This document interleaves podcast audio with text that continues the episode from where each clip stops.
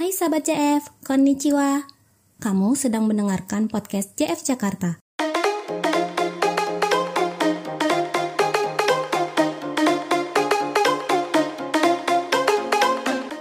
Japan Foundation atau lebih dikenal dengan JF adalah lembaga nirlaba milik pemerintah Jepang yang bergerak dalam bidang pertukaran budaya internasional.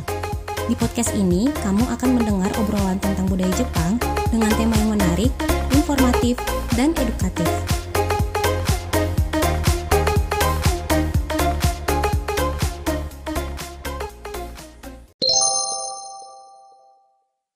Konnichiwa.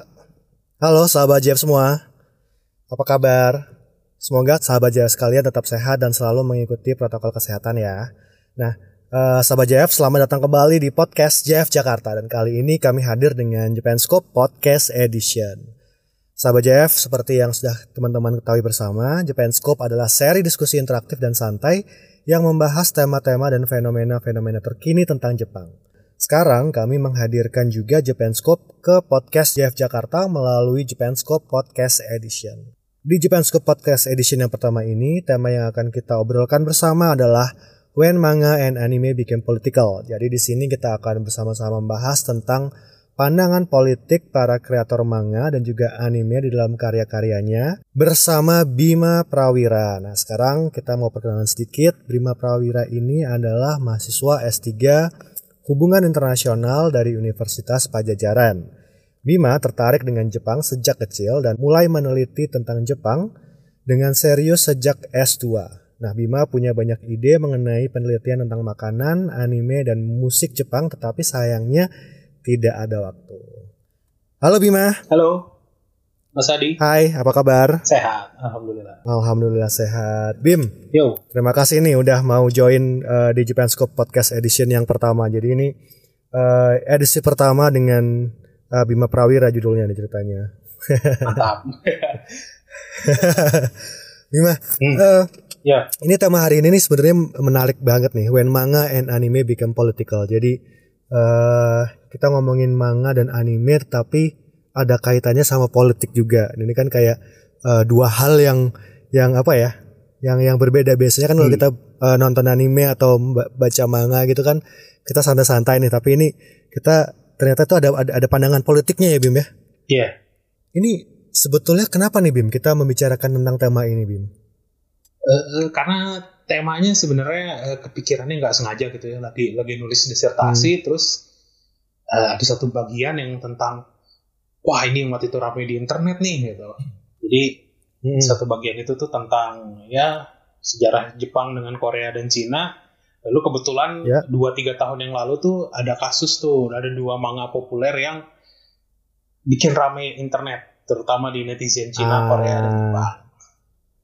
Kayaknya tahu tuh dua judulnya tuh tuh. Iya, Ini ini ini dua dua apa namanya manga dan anime yang hype banget kan. hype banget parah. Yang satu barusan selesai lagi kan. Yang satu udah tamat. Barusan tamat. Iya. Tamatnya juga bikin Oke. rame. Iya. Oke. Nah, eh, gimana bisa sih? Ken- Kenapa kenapa dalam manga dan anime itu bisa jadi eh, ya kalau misalnya kita ambil dua contoh yang dua tadi itu itu kenapa Mhm. bisa sampai ada pandangan politiknya seperti itu sih Bim? Jadi manusia tuh katanya kan zon politikon ya. Jadi makhluk sosial Hmm. itu zon politikon. Jadi manusia eh, apa istilahnya binatang yang berpolitik gitu. Jadi sebenarnya Betul. sebenarnya kalau kita mau lihat jangankan manga dan anime, buku anak-anak pun sebenarnya bisa jadi politikal. Buku anak-anak, buku pelajaran sekolah kayak sekarang eh, banyak buku anak-anak yang mengakomodir kepentingan eh, politik dalam tanda dalam dalam tanda petik nggak ya? Kayaknya enggak sih.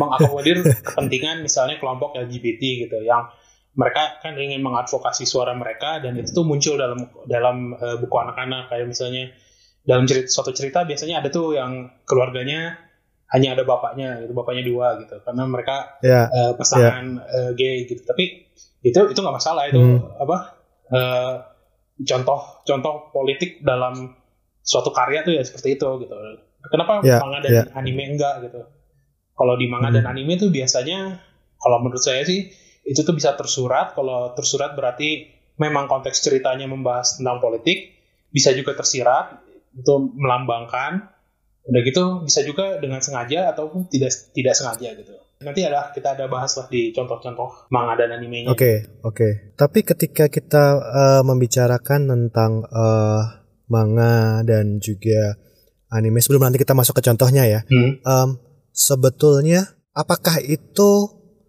uh, intensional. Nah itu. Kita kita mungkin ada beberapa yang itu nggak bisa nggak bisa generalisir ya kalau itu ya. tentu kan tadi tadi juga udah bilang hmm. apa bisa disengaja ataupun tidak gitu. Tapi uh, untuk kasus-kasus yang saya ambil uh, rasanya disengaja sih. Rasanya ya? Uh, dari respon si penulis-penulisnya yang beberapa yang terutama yang kontroversial itu disengaja. Gitu. nanti juga ada sih nanti saya bahas lah. Maksudnya hmm. kondisi si penulis ketika apa aja yang mungkin ada di kepala si penulis ketika dia nulis itu gitu. Oke, kalau gitu uh, kalau boleh tahu nih apa aja sih Bim manganya hmm. yang manga dan anime yang yang yang yang mau dibahas nih. Oke, yang rame dua tadi itu pertama tuh Attack on Titans. Uh -huh. uh, yang kedua My Hero Academia. Betul. Uh -huh. Uh -huh. Udah ketebak sih yeah. kalau dua itu. Itu dua itu yang bikin Flame War. Ya. Kalau yang dua yeah, lagi yeah, mungkin yeah. Ini juga sebenarnya kalau saya googling udah banyak sih yang nulis tesis tentang ini tapi ya nggak apa-apa saya bahas aja orang orang juga enggak enggak kan ya googling tesis itu ngapain juga gitu ya ada sih yang lagi tugas atau apa tapi uh, yang mau saya bahas itu uh, Doraemon mm-hmm. dan uh, The Grave, Grave of the Fireflies apa Hotaru no Haka dari studio Ghibli. Hmm. Hmm. Ya ya ya ya. ya. Uh, kita mulai dari yang Doraemon dulu deh. Oke. Okay. Nah kalau Doraemon ini kayak gimana nih? Doraemon ya kan Doraemon tuh selama saya tuh kan ditulis tuh tadi di pembukaan kalau saya suka Jepang dari kecil salah satu alasannya mungkin ya Betul. ya karena saya dari kecil baca Doraemon gitu hmm. Doraemon tuh sangat kental dengan isu lingkungan kalau menurut saya justru justru isu lingkung lingkungan ya bukan isu uh, teknologi development dan yang lain-lain ya? itu ada tapi tapi biasanya kalau Doraemon banyaknya bicara isu lingkungan sih hmm. kayak misalnya hmm. yang cerita hmm. Ini yang cerita ini ya di komik yang biasa bukan yang petualangan gitu ya. Okay, ada yang okay. ceritanya tuh Nobita pelihara pohon. Si Kibo namanya Kibo. Yang menarik tuh Kibo, oh, Kibo. pohon kecil itu ya hmm, yang apa namanya? Ya, ya, yang ya, bisa hidup uh, sama ya, Doraemon dikasih ya, nutrisi ya, gitu. ya, ya. nah uh. Kibo tuh sebenarnya artinya harapan kan kalau bahasa Jepang kan. Betul nah, betul. Kibo. Uh, uh.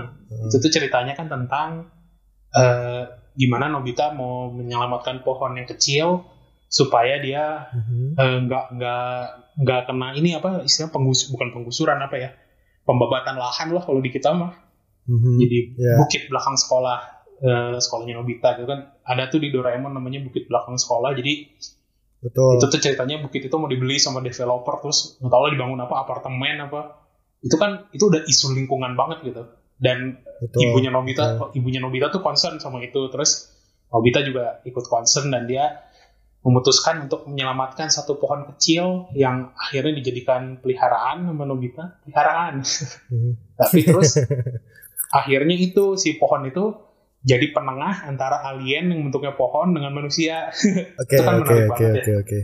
jadi ya ya ya ya itu tuh di situ tuh kayak kita dikasih lihat seandainya pohon bisa ngomong seandainya pohon bisa mengadvokasikan kepentingannya ya mereka akan seperti itu gitu. Seperti itu maksudnya kan hmm. kan kalau di situ tuh ceritanya dia mau apa ya sing uh, pokoknya pohon-pohon di bumi mau diambil semua keluar angkasa mau diselamatkan. Iya iya iya. Ya sama-sama planet tumbuhan sama kan? planet tumbuhan iya kayak gitu kan. Iya iya iya. Nah itu tuh menurut saya itu environmental banget ceritanya gitu.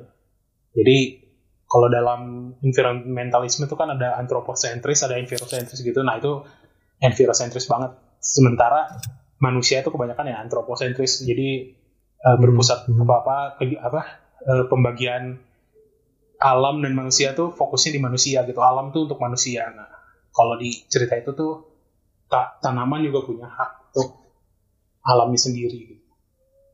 Hmm, terus I see I see.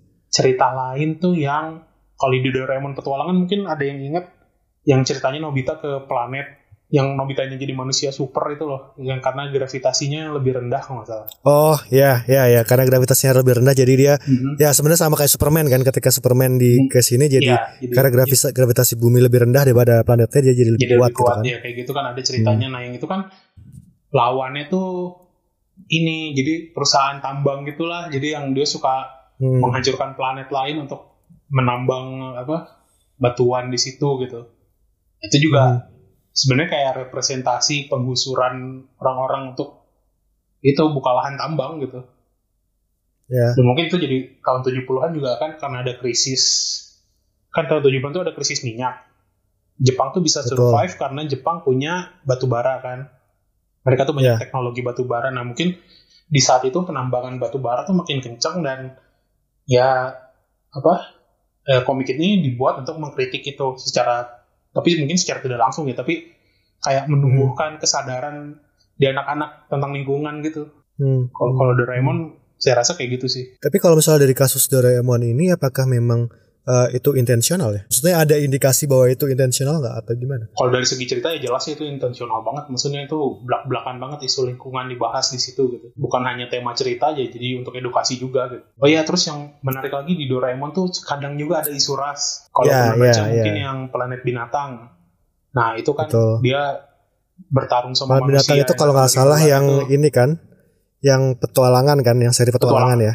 Iya betul. Ya. Ya seri petualangan itu yang mereka akhirnya ber- bertarung sama apa manusia dari bulan gitu kan. Itu juga sama ada isu Ya, lingkungannya juga ya. yang di bulan tuh lingkungannya jelek karena perang dan lain-lain Hmm. lah. Itu juga ada isu isu sentimen antar ras lah gitu. Berarti kalau misalnya bisa nggak sih kita bilang bahwa eh, kalau kalau kasusnya eh, Doraemon ini sebetulnya si eh, mangakanya Fujiko Fujio ini berusaha untuk ya seperti yang tadi Bima bilang tadi itu mengedu- mengedukasi dan yang jadi target utamanya adalah sebenarnya anak-anak karena eh, Doraemon ini kan targetnya sebetulnya umum cuma target utamanya adalah anak-anak kan karena dengan dengan dengan tampilannya dan gaya bahasa dan segala macamnya itu kan eh, menjadikan anak-anak sebagai target utama. Apakah kemudian jadi apakah kemudian itu bisa dibilang bahwa memang untuk mengedukasi anak-anak ini untuk eh, apa isu-isu lingkungan atau gimana ya? Bisa kita simpulkan gitu. Ya eh, mungkin mungkin secara tidak langsung ya, tapi kalau dari segi cerita ya kita bisa lihat si pengarang itu pandangan politiknya environmentalis sih. Maksudnya mungkin edukasi ya mungkin niat dia secara tidak langsung ya. Tapi dia ngasih gambaran kalau ya beginilah kalau lingkungan tidak dijaga gitu. Ini kan kita bicara pandangan Hmm. politiknya ya. Maksudnya Hmm. dia niatnya mengedukasi atau tidak, ya saya rasa ada lah gitu, sedikit banyak. Tapi kalau untuk ininya bagaimana? Untuk apa namanya end resultnya eh, dari dari dari Doraemon ini? Apakah itu memang benar-benar misalnya Hmm. eh, dari pemerintah itu kemudian jadi Oh. eh, dalam tanda kutip misalnya tersadar atau bagaimana? Itu ada seperti itu nggak ya? Atau sempat ada melakukan penelitian itu nggak atau gimana? Ya, itu belum sempat nyari sih jujur aja kalau apa Hmm. tapi mungkin enggak ya kayak emang kayaknya kayaknya konyol banget gitu kalau misalnya pemerintah ngerespon levelnya pemerintah tapi ngerespon itu gitu walaupun walaupun nanti di salah satu kasusnya ada yang di manga-manga yang kita bahas nanti ada gitu Oh gitu. Oh nanti ada ya? ada ada ada yang pe- pemerintah Oke, oke, respon gitu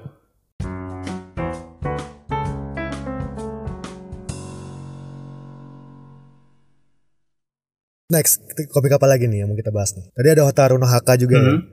kalau ya kalau Hotaru no Haka ini anime ya Mhm. Ini kan ceritanya tentang apa anak-anak yang terdampak sama bom atom Hiroshima dan Hmm. Nagasaki gitu ya.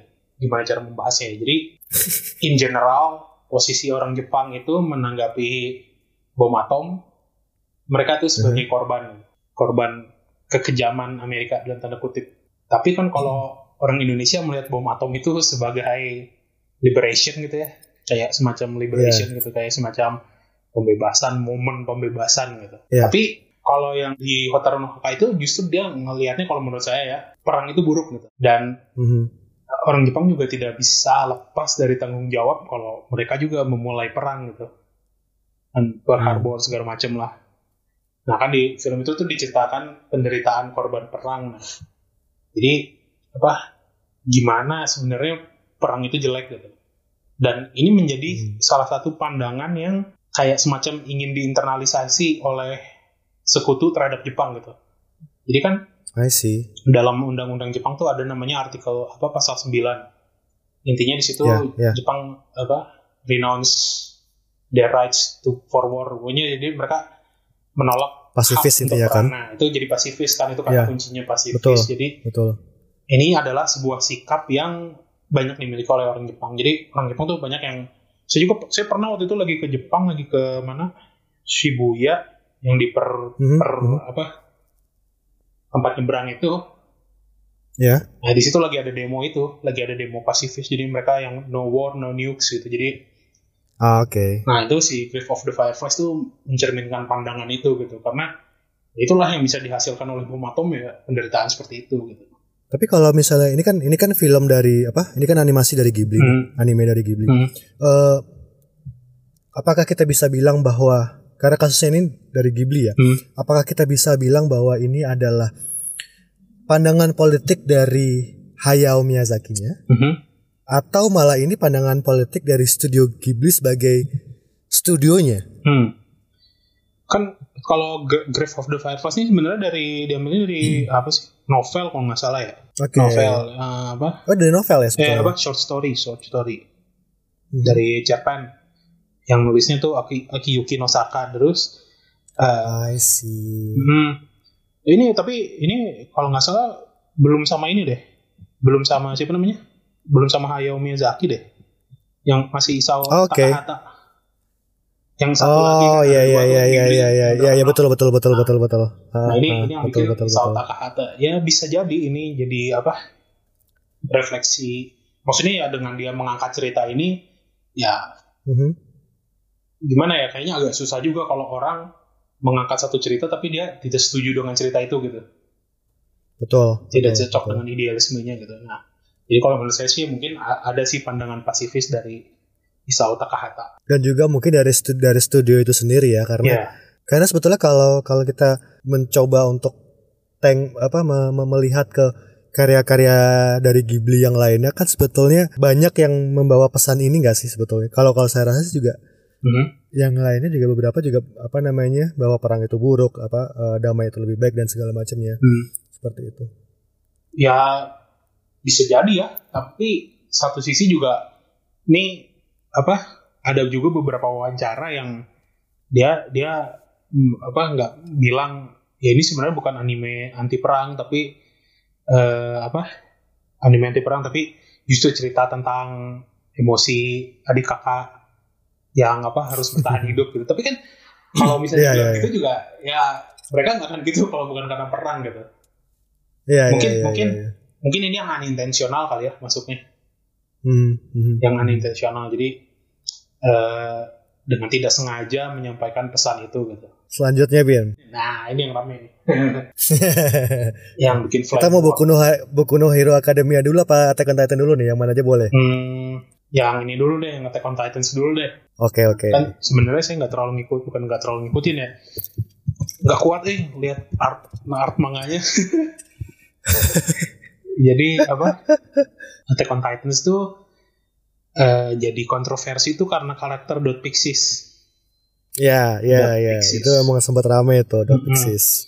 Dot Pixies itu kan salah satu komandan itu ya komandan apa pasukan apa ya Scout Army ya kalau nggak salah dia tuh Eh dia itu sebetulnya atau Gary oh, Garrison Ga- eh, dia dia dia Garrison. Hmm. Sebenarnya yang bikin masalah bukan karakternya jahat atau ngomong ama, tapi desain karakternya. Desain karakternya itu dan diakui juga oleh pengarangnya itu ngambil dari Akiyama Yoshifuru. Ya, ya. Akiyama Yoshifuru ini salah satu jenderal perang Jepang di Perang Dunia Pertama.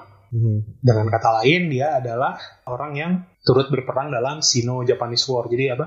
Perang Cina Ya. dan Jepang yang pertama. Ya, yang namanya perang tentu saja kita akan selalu bilang pihak lawan tuh jahat gitu. Waktu itu tuh kan kalau nggak salah tahun seri- eh, Sino-Japanese War tuh tahun 1895. Jadi di perang itu ya Admiral ini ya dia dia melakukan tindakan-tindakan yang kurang inilah Kurang manusiawi. ya mungkin. tidak ya kurang manusiawi mungkin ya. Jadi Mhm, mhm. ya karena karakter desain karakternya mirip dengan si Admiral ini dia si Mhm. Hajime Isayama jadi dapat apa dapat ancaman mati terus Mhm, mhm. Ancaman pembunuhan ancaman ya. pembunuhan dan apa jadi orang jadi debat di internet gitu tapi yang menjadi masalah adalah eh nah ini yang yang benar-benar nyerempet sama disertasi itu kan yang jadi masalah adalah nasionalisme Jepang gitu ya. Jadi in some way nasionalisme Jepang yang berkaitan dengan militer itu orang-orang terutama orang Korea dan orang Cina mereka nggak suka gitu karena itulah yang membuat negara mereka menderita dulu gitu. Masih. Kalau ada tema-tema yang bersinggungan dengan itu mereka akan menjadi bahan untuk dilawan gitu. Itu yang bikin rame gitu karena dia ngambil sosok Akiyama uh, Yoshifuru Yoshifuro. Mm-mm. Ini juga dekat sama ini apa? Ada satu manga lagi tapi bukan Hero Academia. Ini Keroro Gunso. Ya, ya. Pernah baca nggak, Mas Adi? Pernah, pernah, pernah, pernah. Keroro Gunso kan konyol ya, komik konyol banget gitu apa? Iya, itu sebenarnya beda seperti Attack on the eh, Attack on Titan. Kalau Attack on Iya. Titan itu kan sebetulnya target utamanya kan bukan anak-anak kan Hmm. sebetulnya, tapi eh, teenage dan teenage adult Iya. kalau kalau Attack on Titan. Tapi Iya. kalau uh, Keroro Gunso ini kan malah sebenarnya target utamanya anak-anak kayak gitu kan. Ya, itu juga banyak cerita-cerita absurd gitu. Tapi yang per- pernah dipermasalahkan itu istilah ini kan Keroro Gunso kan ceritanya alien menginvasi bumi kan ya. Terus si Iya, betul, alien-alien kodok ini nyebut orang bumi itu peko, pekopon. Pe- Oke. Pekopon itu dekat dengan pokopen. Ah, oke, Pokopen oke, oke, ini oke. Pak eh, istilahnya slur slur apa ya? Pang- Panggilan panggilan menghina gitulah. eh, iya, ya, Ah, ngejek, panggilan Ngejek, ejekan, ah, oleh panggilan hinaan. orang Jepang ke orang Cina dulu gitu. Itu da- dari Hmm, bahasa hmm. apa? Bahasa Cina Bukwang Ben. Bukwang Ben Oke. jadi pekopon yang artinya tabu gitu. Orang-orang yang terlarang, orang-orang yang ditabukan.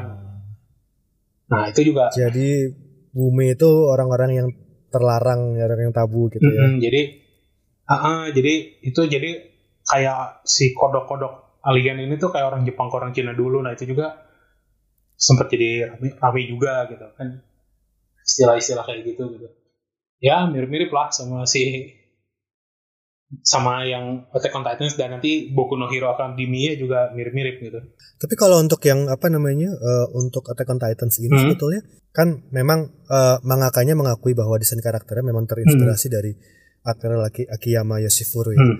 Tapi karakter dari si Dot Pixis ini kan sebetulnya sangat berbeda dengan dengan apa yang kita ketahui tentang Admiral Akiyama Yos- Yoshifuru ini kan Hmm, hmm, hmm. sebetulnya. yang menjadi masalah kan gini, maksudnya mau karakter itu jadi antagonis, mau jadi protagonis. Tapi kalau di sini on Titans dia protagonisnya, maksudnya ya bukan protagonis. Iya betul. ya. Dia dia salah Maksudnya satu ya orang baik lah. gitu. bukan protagonis juga sih sebetulnya, tapi Hmm. karena kalau di Attack on Titans itu memang agak sedikit blur sih maksudnya mana yang kan, benar-benar ya, protagonis mana yang benar-benar antagonis Ya. Eh, tapi at least dia masih sedikit lebih baik dari kebanyakan karakter yang ada di eh, Attack on Titans kan Nah, tapi dengan yang yang dipermasalahkan kadang bukan itu aja, tapi bagaimana si pengarangnya ini ya mengambil aja gitu contoh dan dia dia mengakui kalau dia mengagumi si Yoshifuru gitu. Ya tapi itu sangat-sangat debatable sih maksudnya kayak kita ya kita kasih contoh dah orang Indonesia sama orang Belanda gitu ya. Orang Indonesia kan Hmm. menganggap Patimura sebagai pahlawan gitu. betul Tapi menurut orang Belanda mah ya Patimura teh pemberontak gitu. ya Jadi oke eh, ya dari pandangan-pandangan masalah itu, perspektif jadi ya Ah, sebetulnya. perspektif. Tapi eh, nggak bisa dipungkiri juga kalau per- perspektif nasionalisme Jepang itu sering kali dikaitkan dengan apa yang Jepang lakukan di perang dulu gitu. Karena persepsinya ya negatif gitu di mata orang Korea orang Cina dan mungkin mungkin di mata orang Amerika juga gitu. Maksudnya di orang orang Barat gitu karena Jepang kan ada di blok aksis ya. Mhm, Karena mhm. Eh, nasionalisme Jepang itu yang di masa ini eh, agak berbeda dengan dengan nasionalismenya Jerman gitu. Ya. Jerman tuh kayak mereka sudah berubah aja gitu dari masa lalu. Tapi kalau sekarang mah nggak ada gitu orang Jerman yang terang-terangan dukung Nazi. Ya ada sih, tapi nggak populer gitu dan apa ya? Mereka diantagonisir gitulah kasarnya. Tapi kalau di Jepang mungkin eh, yang sering dikaitkan dengan masa lalu itu kan orang-orang yang pro yang tidak pasifis ya. Itu tuh banyak gitu orang-orang yang mendukung revisi pasal 9 tadi. Jadi supaya Jepang punya tentara lagi, supaya Jepang bisa mempertahankan diri karena banyak orang Jepang merasa ada ancaman Cina dan Korea Utara sekarang tuh. Jadi mereka merasa ya militernya harus diperkuat. dibutuhkan Ah, ah. Ya, Kurang lebih kayak ya. gitu lah.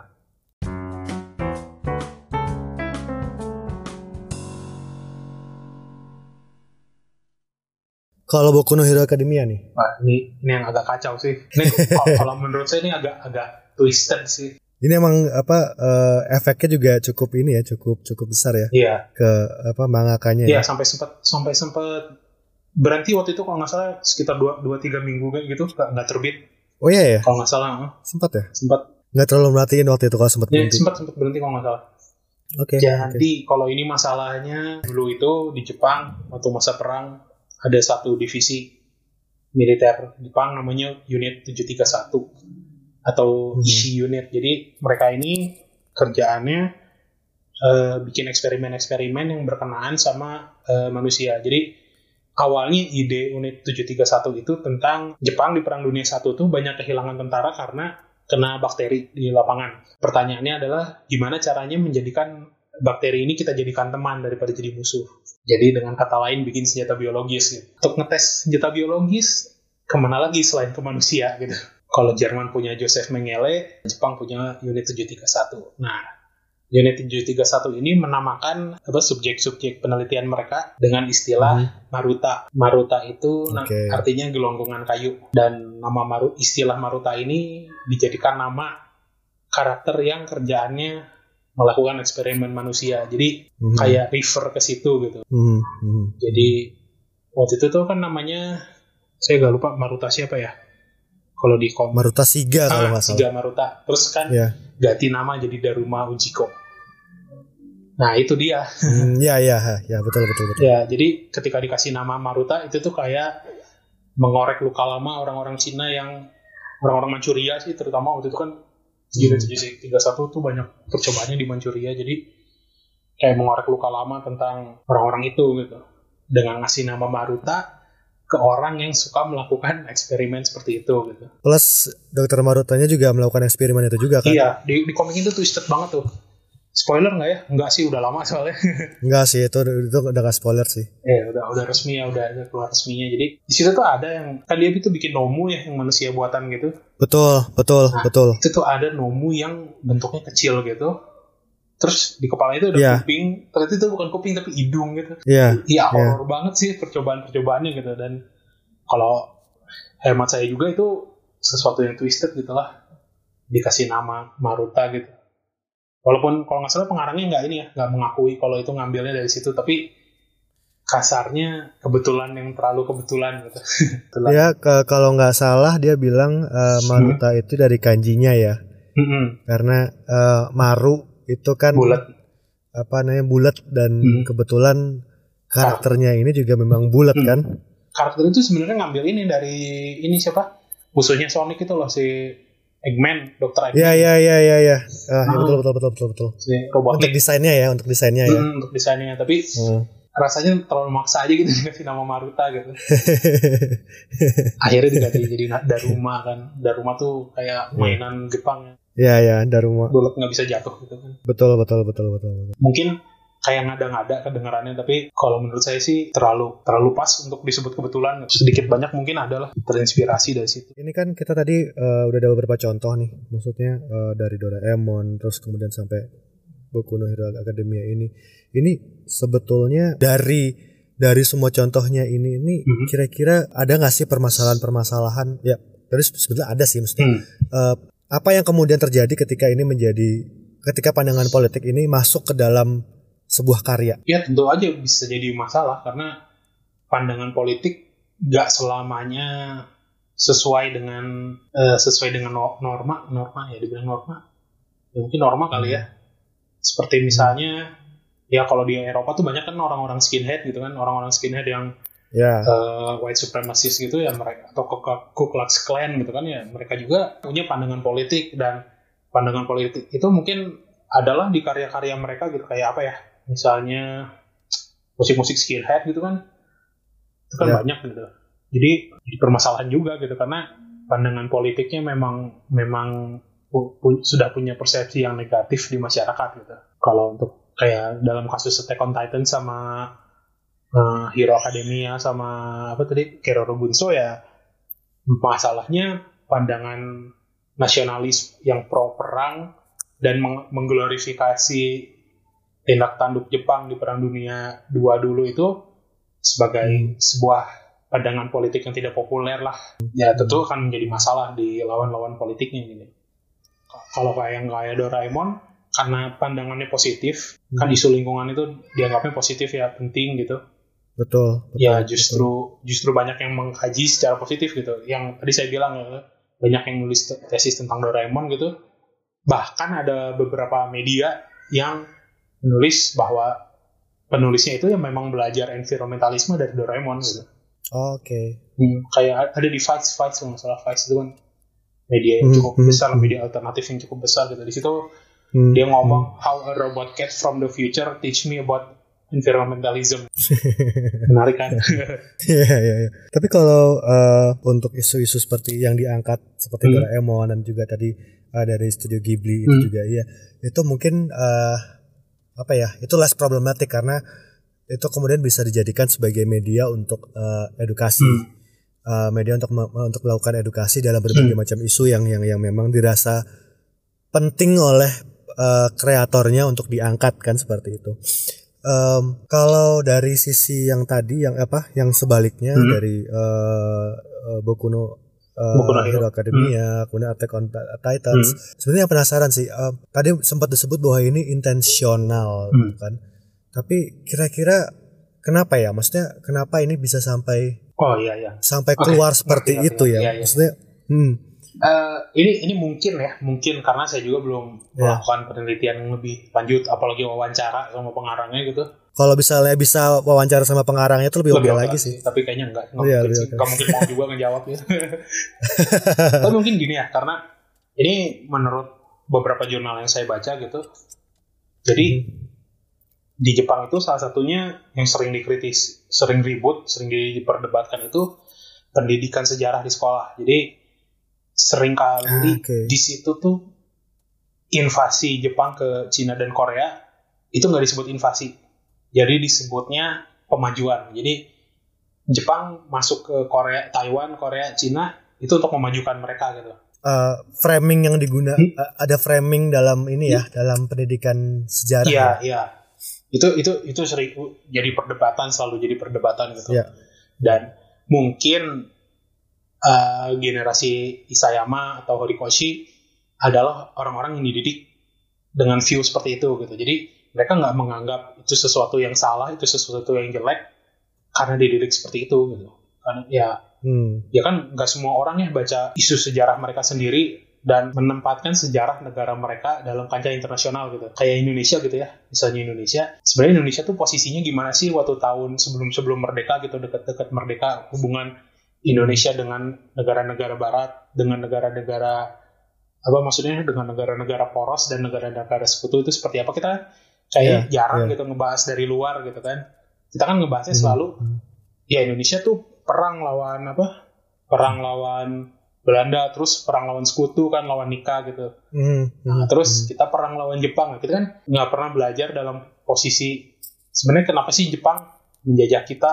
Kondisi global apa yang menyebabkan eh, Jepang menyerang kita ya kayak gitu-gitu kan kita memang memang nggak apa ya sistem pendidikan sejarah di sekolah tuh politikal banget dan itu akan mengikuti view view negaranya tentang sejarah itu sendiri gitu sejarah negara itu sendiri Hmm. mungkin Hmm. karena diajarinya seperti itu ya jadi beranggapan bahwa mengidolakan tokoh sejarah tuh ya baik-baik saja gitu walaupun Ja- tokoh jadi sejarah memang itu di, di, di luar pandangannya negatif. Iya. Ah, ah. Hmm. Kalau misalnya memang memang benar, memang kalau misalnya memang benar seperti itu, berarti kan memang eh, nggak nggak nggak bisa disalahkan bahwa eh, Hmm. permasalahan utamanya ada di perspektif tadi kan. Iya, jadi ada ada perbedaan perspektif tadi. Jadi di eh, dari sisi mangakanya yang notabene bahwa Hmm. mereka adalah orang Jepang, hmm, eh, dari apa yang mereka ketahui tentang karakter-karakter tersebut ya itu itu fine iya, jadi dengan pemahaman mereka Hmm. sendiri, ya kan? jadi itu bukan mungkin aja terjadi bukan karena mereka ignorant tapi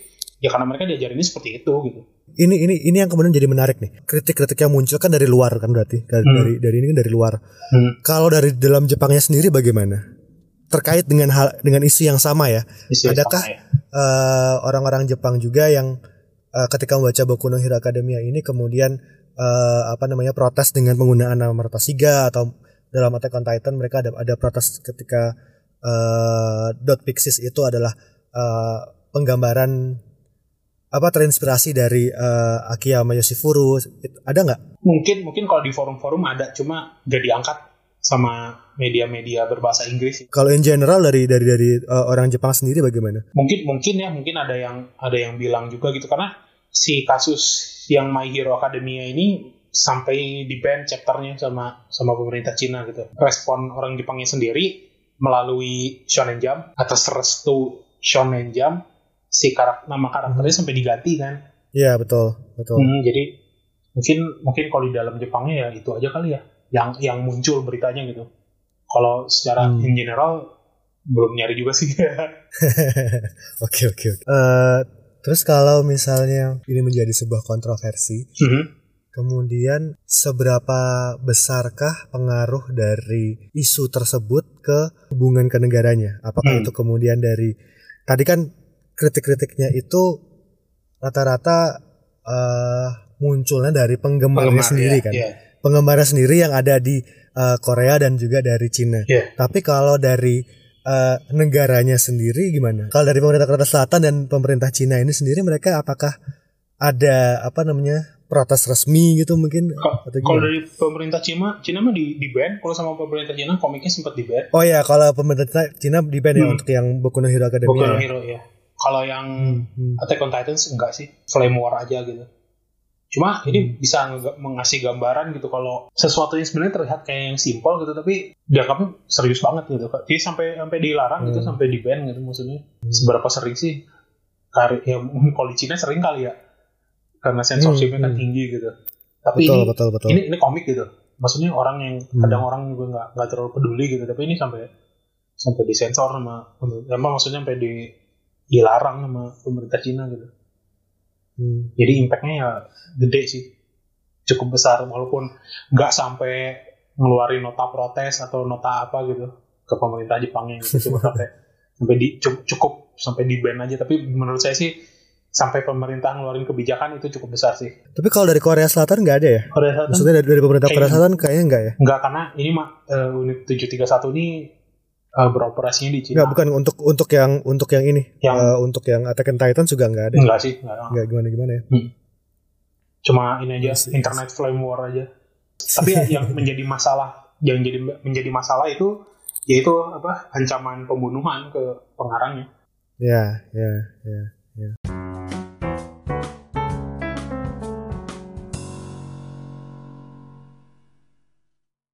Kita masuk kesimpulan aja, Bim. Hmm. Nah, kira-kira uh, dari pembahasan kita tadi hmm. kita tadi ini dari obrol-obrol kita tadi ini kira-kira apa sih Bim yang bisa kita simpulkan Bim? Kalau menurut saya sih yang bisa kita simpulkan ya uh, manga dan anime itu bisa menjadi media yang pas untuk agenda politik siapa pun apa pun gitu. Karena hmm. uh, dia dikonsumsi banyak orang, apalagi kalau populer gitu ya. Ya dia dikonsumsi hmm. banyak orang hmm. dan mudah untuk dikonsumsinya. Beda dengan novel ya. Kalau novel kan kita berat banget kayaknya. Tapi hmm. kalau anime manga kan kita tinggal oke okay, gambar bergerak gitu. Gambar bergerak dan gambar yang berbicara gitu. Jadi uh, apa lebih mudah untuk dipahami gitu. Dan pesan-pesannya juga lebih mudah untuk tersampaikan. Kalau untuk yang ini ya yang ininya konten gitu ya. Kalau untuk hmm, hmm. yang uh, karakter-karakter yang terinspirasi gitu hmm. ya mungkin itu un unintensional tapi apa desain karakter itu sesederhana apa pun ada bisa juga ada unsur politiknya gitu. Iya iya. Ya. Kayak ya okay. apalagi ya kalau misalnya kita ambil contoh lain apa ya kayak One Piece aja gitu ya. Oh One Piece hmm. tuh itu keren banget sih. kayak misalnya ini nih belakangan ini ada karakter Oden kan di One Piece Iya, iya, iya. Kalau menurut saya karakter Oden ini kayak semacam menghancurkan stereotip samurai gitu loh. Selama ini kita tahu kalau misalnya dalam anime yang campur aduk gitu, ada karakter hmm. samurai itu dia pasti jago pedang, jago bertarung gitu kan, dan memiliki iya. kehormatan yeah. tinggi bla bla bla gitu. Yeah. Nah si Oden tuh punya punya gitu karakter itu, tapi ada satu hal yang bikin Oden beda sama karakter-karakter samurai, samurai lain. Kira-kira apa coba? Freedom ya, kebebasan. Hmm, bukan. Apa? Oden bisa baca dan bisa nulis. I see. Ya ya ya ya betul Dan- betul betul betul betul. Itu adalah salah satu privilege tertinggi yang dipunyai oleh kaum samurai di era Tokugawa gitu. Ya ya ya ya ya ya ya. Saya juga pas pertama kali lihat karakter Oden kaget karena peran dia adalah orang yang baca dan nulis poneglyph kan.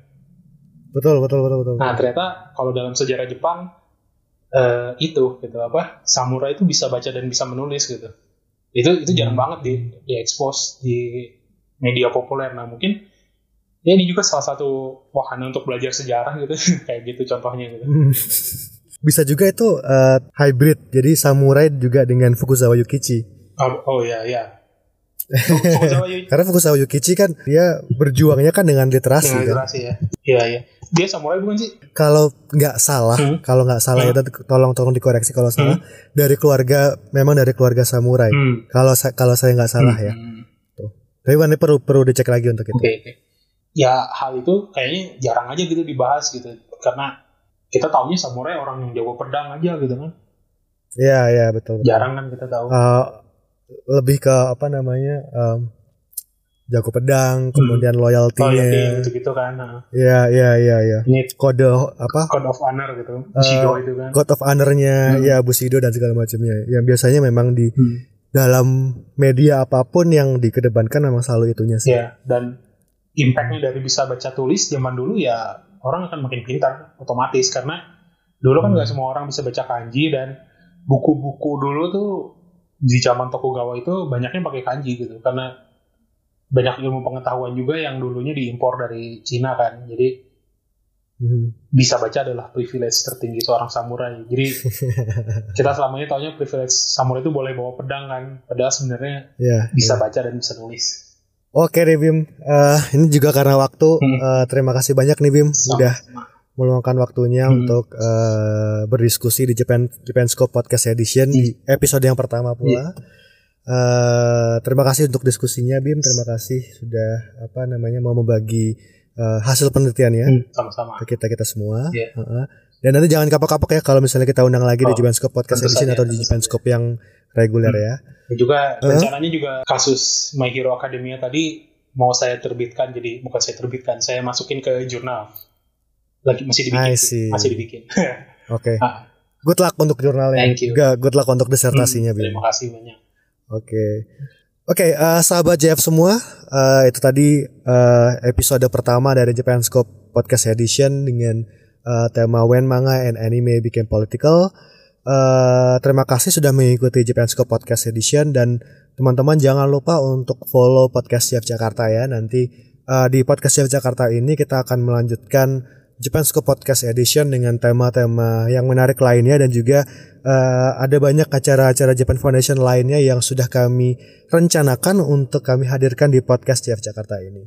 Teman-teman juga bisa mengikuti informasi yang paling update tentang program-program JF Jakarta di Instagram dan juga Twitter at JF underscore Jakarta dan juga Facebook page The Japan Foundation Jakarta. Sampai jumpa teman-teman di episode berikutnya.